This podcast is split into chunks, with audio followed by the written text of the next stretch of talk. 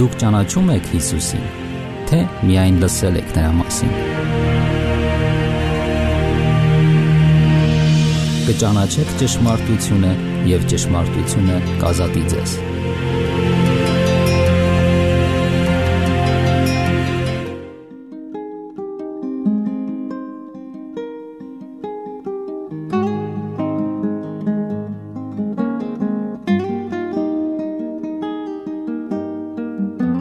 Բարև ձեզ սիրելի ռադիո լսողներ։ Եթերում ղողանջ հավերժության հաղորդաշարն է։ Ամբողջ համաշխարհային գրականության մեջ մի գիրք է առանձնանում։ Ամենահետաքրքիրը եւ միակը իր տեսակի մեջ։ Այդ գրքի տիտղոսաթերթի վրա գրված է նրա լրիվ անվանումը՝ Աստվածաշունչ։ Մատյան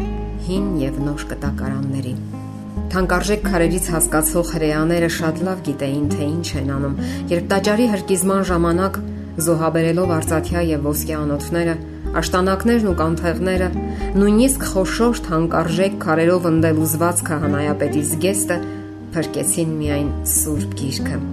Այն տաճարի ճշմարիտ գանձներ եւ փառք Աստծո, որ չոչնչացավ հրոճ արակ դառնալով։ Մեր օրերում էլ սուրբ գրքի արկայությունը հիրավի հրաշք է։ հրաշ Իր գոյության 3000 տարիների ընթացքում նա դյուզն ինչ չի հնացել եւ երբեք չի հնանա։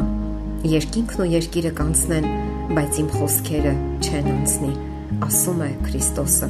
Ամբողջ հազարամյակներ Սուրբ Գիրքը գոյություն է ունեցել աշխարհի կրթված ժողովուրդների կյանքում եւ այդ երկարաձիգ դարերի ընթացքում անդադար պայքարում է իր հոգեվոր իշխանության համար, դիմագրավելով բազում հարցակումներ։ Նրա մեջ չկա ոչ մի տող, որ մանրադիտակային քննության ենթարկված չլինի։ Այդ գրքի նկատմամբ հարգալից վերաբերմունք ունեն անցյալ եւ ներկա ժամանակի մեծ մտածողները։ Ահա գերմանացի բանաստեղծ Հայնեի կարծիքը. այն հնամենի ու հասարակ գիրք է, բնության պես համեստ ու բնական։ Այս գիրքը այնքան անհավակնոտ է ու սովորական, որքան մեզ ջերմացնող արեգակը եւ մեզ հագեցնող հացը։ Այն մեզ է նայում այնպես սիրալիր, ինչպես ծեր տատիկը, որ ամեն օր ակնոցն աչքերին եւ դողդոջ շուրթերով ընթերցում է այս գիրքը։ Անգլիացի իմաստասեր Ջոն Լոկը վստահ էր, որ այդ գիրքը Աստծո մեծագույն օրհնություններից մեկն է մարդկության համար։ Իսկ ռուս մեծ գրող Պուշկինը գտնում է, որ դա միակ գիրքն է, որի մեջ ամեն ինչ կա, նրանից առավել ոչինչ հնարավոր չէ տալ ժողովրդին։ Աստվածաշնչի նույնիսկ մեկ բառը ճշմարտություն է պարունակում, ավելի իմաստուն է, քան օրենքների բոլոր ժողովածուները։ Հարուստ է խրատների բոլոր ժողովածուներից եւ գեղեցիկ է ողջ աշխարհի պոեզիայից։ Այն շարժում է ցանկացած տարիքի ու մակարդակի մարդու սիրտը, ինչպես մոր գորովալից ձայնը։ Ամբողջ համաշխարհային գրականությունը դուրս է եկել Աստվածաշնչից։ Այստեղ է բոլոր ժանրերի եւ սյուժեների սկիզբը։ Նրա հիման վրա են ստեղծվել համաշխարհային արվեստի ու գրականության գլուխգործոցները։ Աստվածաշնչի յուրաքանչյուր խոսք մեղրից քաղցր է, երկսայրի սրից սուր, մետաղ հալեցնող հրից զորեղ, ժայռեր փշրող մուրճից ծանր։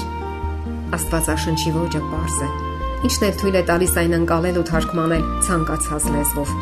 Այս հիանալի գրքի բովանդակությունը մատչելի եւ հասկանալի է հասարակության բոլոր խավերին, քաղաքակիրթ երկրների բարձրակիրթ մասնագետներից մինչև ջունգլիների անգրագետ վայրերին։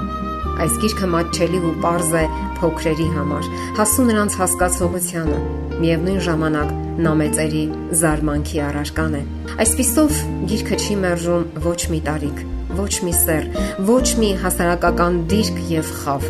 Քրիստոսի խոսքը արեգակի նման ընդհանուր ու բաց է բոլորի համար։ Այս գիրքը հավասարապես հասկանում է եւ արքան, եւ ծառան, եւ հարուստը, եւ աղքատը, եւ իմաստունը, եւ տգետը։ Ընդ որում, գուցե եւ իր իմաստությամբ հպարտ իմաստունը ավելի քիչ հասկանա ավետարանը, քան հասարակ մարդը, ով ծարավ է ճշմարտությանը։ Մանուկներին գիրքը ասում է. Այսպիսիններինն է երկնքի արխայությունը։ Երիտասարդներին նա դիվում է խրատով, հիշիր քո ստեղծողին քո երիտասարդության օրերում տարեց մարդուն նա հուսադրում է հետևյալ խոսքերով փառած պսակ է ալևորությունը նրան ում կյանքը թյուրիմացաբար չի ստացվել նա ասում է ես քեզ չեմ դատապարտում գնա եւ այլևս մեղք մի գործիր Հոգսերի բերանտակ կքածներին նա ասում է. Ինձ մոտ եկեք, ամեն վաստակածներ ու բեռնավորվածներ, եւ ես հանգիստ կտամ ձեզ։ Սուրբ գրքում մենք գտնում ենք մեր ընկերոջը Քրիստոսին, ով խոստացել է, որ չի թողնի մեզ, չի լքի ու մեզ հետ կլինի մինչև վերջին օրը։ Անգլիացի մեծ բանաստեղծ Բայրոնը վկայում է, որ ինքը ծայրից ծայր կարդացել է Սուրբ Գիրքը, երբ դեռ 8 տարեկան էլ չկար։ Նա գտնում է, որ այս սրբազնագույն գրքում ամփոփված է բոլոր գաղտնիքների գաղտնիքը, եւ որքան երջանիկ են նրանք, ում շնորված է Սուրբ Գիրքը լսելու, ընթերցելու Նրա խոսքերը աղոթքով արտասանելու եւ երկյուղածությամբ ընկալելու ողորմությունը։ Աստվածաշունչը գրքերի գիրքն է։ Նրա մեջ է հավիտենական կյանքի աղբյուրը, բոլոր վշտահարների մխիթարությունը եւ ուժը, անմեղության վահանը եւ զարթոնքը հոգեվոր թմբիրից։ Աստվածաշունչը պոեմ չէ, որ մարդը պատմում եւ գովերքում է իր չաստվածների արկածները, սեփական արկածներով հանդերձ Այն ճշմարիտ պատմություն է։ Հարատև զրույց Աստծո եւ մարդու միջև։ Ֆրանսիացի բանաստեղծ Ալֆրեդ Դմյուսեի մասին պատմում են, որ նա հաճախ էր արտասվելով Սուրբ Ավետարանը ձեռքին շրջում սենյակում եւ սովորաբար բացականչում էր. Ոչ, մարդը չի կարող այսպիսի գիրք գրել։ Սա Աստծո ստեղծագործությունն է։ Սիրելի ռադիո լսողներ, եթերում ղողանջ հավերժության հաղորդաշարներ։ Ձեզ հետ է Գեղեցիկ Մարտիրոսյանը։